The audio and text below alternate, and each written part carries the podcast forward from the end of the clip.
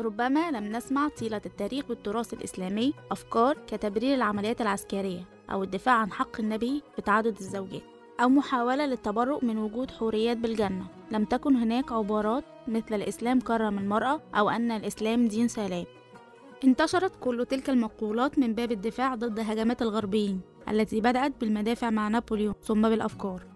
لقد قام الغربيين بدراسات عدة للإسلام كتاريخ وكفقه وكنصوص. وفي بعض الأحيان رموا اتهامات بالجملة على الإسلام والمسلمين.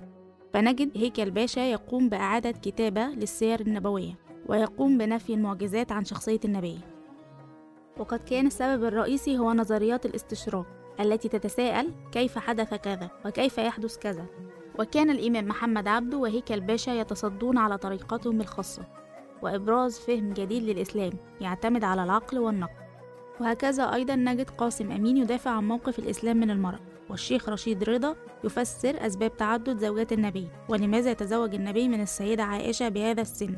وعلى ضوء نفس هذه المقاربات نجد العقاد يكتب أيضا سيرة جديدة للنبي يبرز بها شخصية النبي محمد على أنه نبي العروبة إذ كانت القومية العربية في حياة العقاد تعد من مظاهر مقاومة الغرب. ما نتج من الباحثين الغربيين في دراسة الإسلام يعرف بالاستشراق أي أنه دراسة علوم الشرق. وجغرافيا يتناول الاستشراق المنطقة الواقعة من جنوب أوروبا إلى الجنوب الشرقي منها بينما تشير كلمة استشراق إلى دراسة حضارات الشرق القديم. فمنذ ظهور الإسلام مال الأوروبيين إلى تصنيف العرب عرقيا لا مذهبيا بإطلاق وصف السراسنة الاسم الذي كان يطلق من قبل الإغريق على سكان منطقة إريبيا. ويجب التنبيه على أن الأوروبيين لم يعوا أن المورو سكان شمال أفريقيا والسراسنة سكان منطقة إريبيا من جماعات المسلمين واعتبروا أن كلا منهما جماعة منفصلة عرقيا وثقافيا بسبب عدم معرفتهم بطبيعة الإسلام كدين جديد.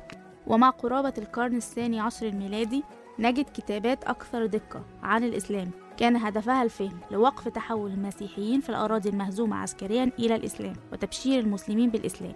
وبدأت تنهال القصص الخرافية عن الإسلام بين الناس وعن النبي محمد وعن دموية الإسلام.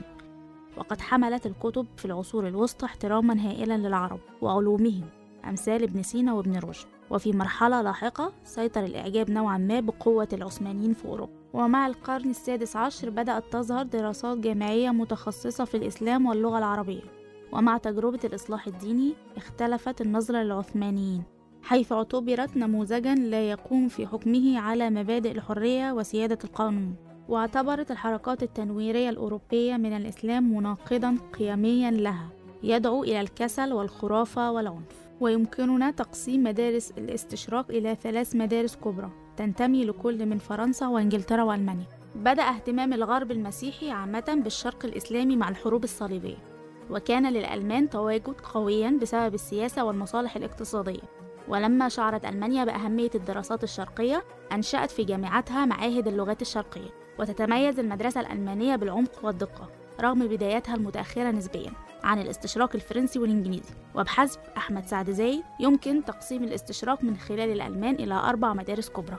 الأولى مدرسة الفيلولوجي التي على رأسها كارل بروكلمان صاحب كتاب تاريخ الأدب العربي وتلميذه تيودور نولدكه صاحب كتاب تاريخ القرآن. وهي مدرسة تهتم بدراسات الأدب وعلوم اللغة. أما الثانية فمدرسة التاريخ وعلى رأسها يوليوس فيلهاوزن صاحب كتاب تاريخ الدولة العربية من ظهور الإسلام إلى سقوط الدولة الأموية. وهي المدرسة التي تنطلق من الدراسات التاريخية حول الإسلام والنشأة والتطور أما الثالثة فهي مدرسة النظرية العامة وتحاول وضع نظرية عامة عن الإسلام من خلال الفقه والتراث.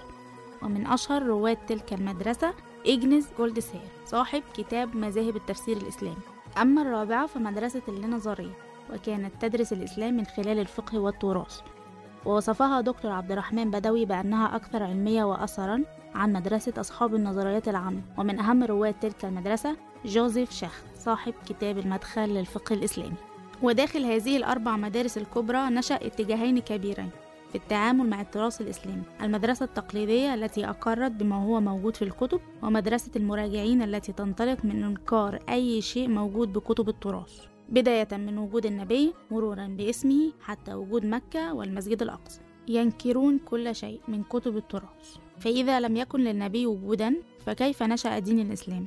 وإذا لم يكن اسمه محمد فما هو اسمه الذي تطرحه نظريات المراجعين؟ وأين تقع مكة إذ لم تكن بالحجاز؟ في هذه السلسلة من بودكاست تاريخ الإسلام سنستعرض سويا أهم ما جاءت به نظريات المراجعين عن الإسلام. تابعونا في الحلقات القادمة.